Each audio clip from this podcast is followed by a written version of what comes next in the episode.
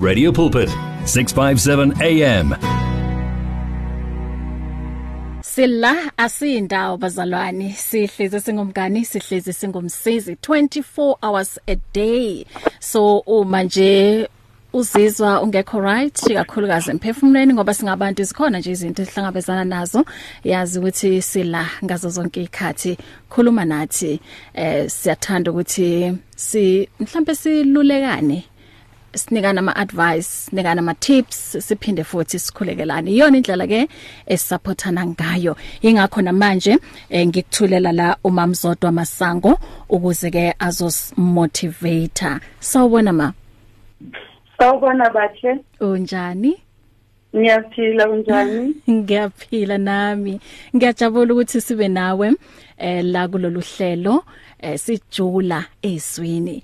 And eh, ngokuqala nqa ngi- ngi- ngizokhuluma nawe emoyeni em nabalaleli lapha ekhaya. Ngokuqala nqa bezozwa ke ivoice yakho. So ngaphambi kokuthi sikhulume okuningi ngicela ukuthi mm, usibekele nje isithombe esikamamzodwa masango. Sawubona futhi bahle ngiyabingelela kubalaleli. Futhi ngiyabonga kakhulu lethuba onginikeza lona lokuthi ngizokhuluma nawe kokuqala ngqa emoyeni. yebo. mhm Uzodwa uzodwa masango ngokuzalwa ngiphuma eMpumalanga kodwa sengihlale eh ku province ye North West for 22 years. wow. Um yes. Aw but Eh, ba o ruta Setswana. Kore yanong wa wa bua yanong.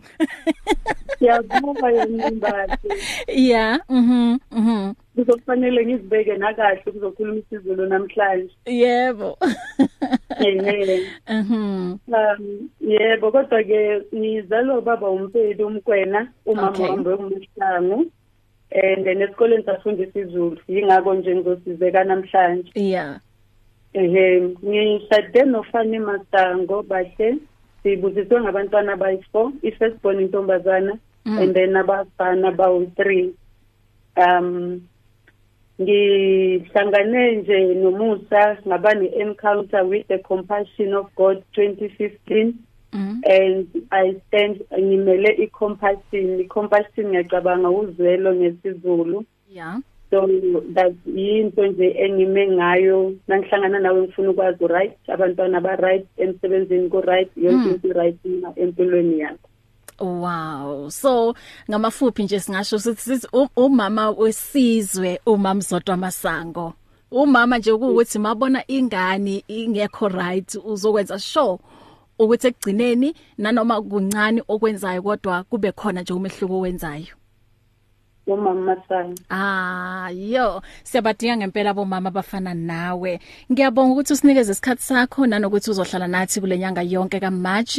Um u- uzosimotivator, usibusisa. So kulolu suku ikuphi uNkulunkulu akubekile enhlizweni yakho ukuthi uzosimotivator ngakho. bahle nabalaleli kuye kuthiwe eh uma uzokwazi ukuphumelela ukhona ukufika ngokuphumelela ngokuphumelelo la uya khona kuyobane kubalekile ukuthi wazi la usuka khona. So njengoba ngizoba nabalaleli kanye nawe sisibahle for inyanga kaMarch ngicabanga ukuthi ngizokwakha i- i- i- i-case ezozwakala kahle ekugcineni. So namhlanje ngithi masibuyele soqala la vele kuqalwa khona. Mhm. siqale sibuyele la esivela khona thina. Mm. eh ekuGenesis uma siya ngezwi lakaNkuluNkulu kuGenesis chapter 1 uverse 31 ngiyazi ukuthi kaningi siyesibheka ukuthi uNkulunkulu wa- wathi asenze umuntu and all of that senze ngomfanekiso kaNkulunkulu nako konke lokho kunye kuhle ngiyabonga. Namhlanje ngifuna uqala le ngale verse loqina lapha ku chapter um 1 kuGenesis ku verse 30 30 um 1 ukuthi emva kokuthi uNkulunkulu amenzile umuntu into engithanda kakhulu ngokuthi uma adala izilwane uvele wakhuluma ukuthi mazizalane. Uma adala umhlaba uvele wakhuluma kwayenzeka. Uma adala ilight uvele wakhuluma kwayenzeka. Kodwa uthize nasele athatha azodala umuntu bahle nabalaleli. uNkulunkulu took a pause. Wathatha i-pause and called a meeting ngoba lo abeselazomdala manje ubeka umuntu obalulekile which was me and you nabalaleli nezithanda zethu and our families okokuqala okubalekile ukuthi uNkulunkulu took a pause to create you. He took a pause to create me. He took a pause to create wonke abalaleli abazwayo iphimbo lami namhlanje. Akazanke wasidala nje wa continue with creation. As if lokho abathela zokudala manje akakabaluleki so ipoint yami yokuqala namhlanje ukuthi uma sibuyele emuva la kuqalwe khona la siphuma khona sibalulekile. Sibalulekile emehlweni kamdali wethu. He took his time he took pause before asidala thina. And then ku verse 31 kunamagama amathathu abalulekile engifuna wakhipha lapho. Ukuthi uNkulunkulu nakaqedile ukwenza asidalile wasibusisa ukuthi sithathe idominion sibe fruitful zonke lezi thina esizithandayo.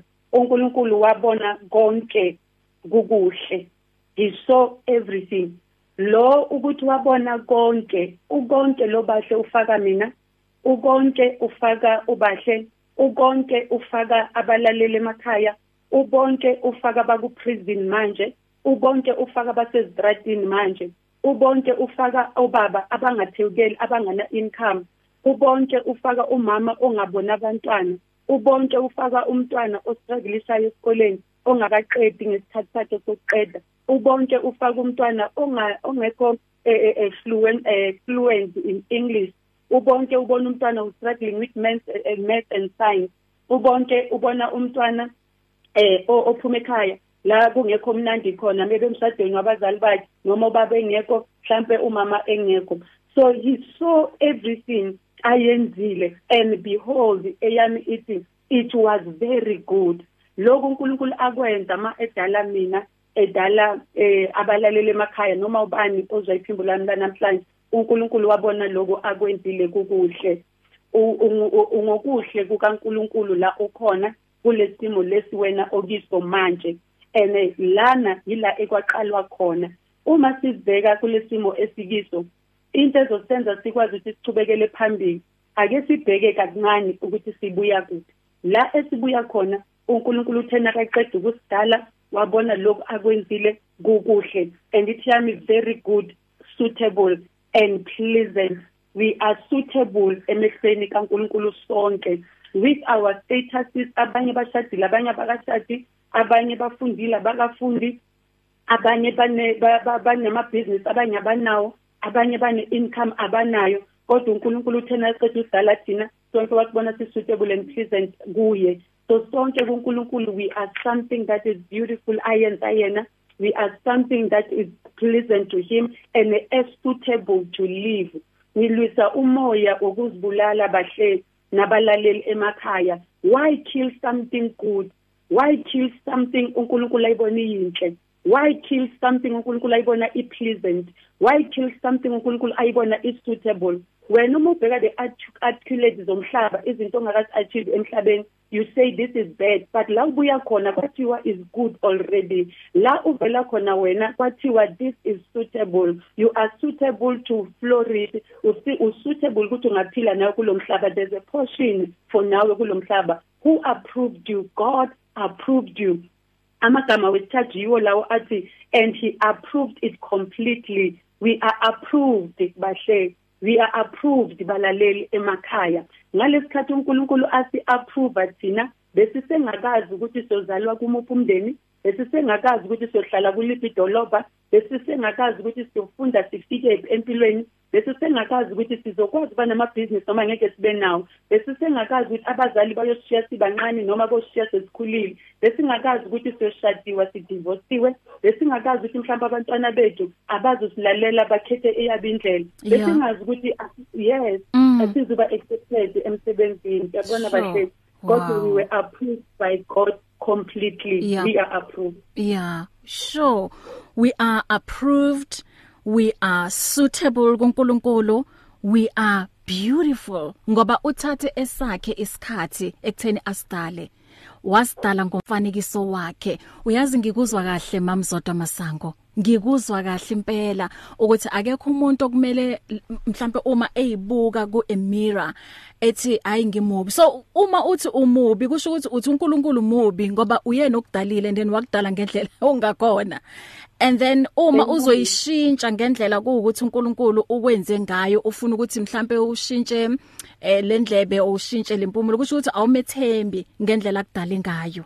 So today ngiyacabanga ukuthi lapho simotivator khona uthi asisamukele ngendlela uNkulunkulu asidale ngayo and then sithande ngoba he took his time when he created us Amen. Wow. Amen. Wow.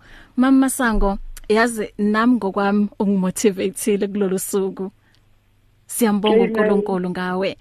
Em uma masango utholakala kuphi? Mhlambe uma kukhona umuntu othi hayi mina ngisathanda ukuthi ngixoxe naye eceleni engekho emoyeni ngoba nginenkinga yento ethizeni.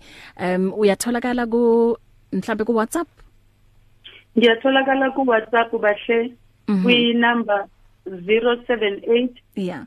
566 8613 ngicela uyiphinde. 078 566 8613 mhm eh ku social media ukhona ku social media ku Facebook uzodwa masango okay zodwa masango kuphela yebo Okay. Siyabonga kakhulu mamzodwa. Sizohlangana futhi next week ngaso lesi ngaso lesi sikhathi angithi. ngiyabonga kakhulu bahle ngiyabonga nakubalaleli Bless you. Angikuphelezele ngokholeka ethi ndiyakholwa. Faith, hope, and love. Experience victory in your life on 657 AM. If you need prayer, please send your request to prayer at radiopulpit.co.za or WhatsApp 067 429 7564 or go to Radio Pulpit website on www.radiopulpit.co.za. Reach your customers in the car, at the office, at home, or wherever they are, night or day. Through advertising with Radio Pulpit, you can reach a large, unique, and loyal audience in a most affordable way. With over 500,000 people on our various platforms, from Gauteng to the Cape, you simply cannot go wrong. So advertise today. Contact us on 012 334 1339 or for advertising packages that we offer, go to www.radiopulpit.co.za. Terms and conditions apply. You and 657 AM and life, a winning team on the road to eternity.